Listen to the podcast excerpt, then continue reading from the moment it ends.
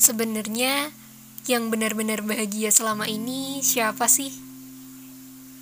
Rasanya ada banyak pesan dariku yang tidak sanggup aku kirim. Entah itu sekedar menanyakan kabar atau harapan saat kamu berulang tahun. Kalau orang tanya, kenapa sih enggak kirim aja?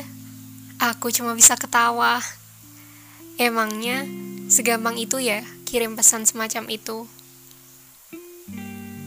Gampang sih kalau orangnya bukan kamu. Serius deh, rasa takut itu nyata. Takut gimana akan kamu balas, dan takut gimana aku harus membalas lagi. Padahal, ada banyak hal yang aku harap bisa dibicarakan. Tapi, rasanya hal itu sulit untuk kuungkapkan. Perlahan-lahan, aku merasa harus mundur.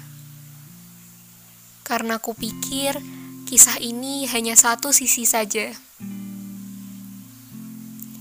Namun, bagaimana bisa jika aku selalu melihat kamu ketika bertemu orang lain?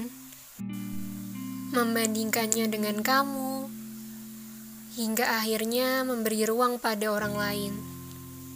Sekat yang kamu buat membangun sekat lain dalam hidupku.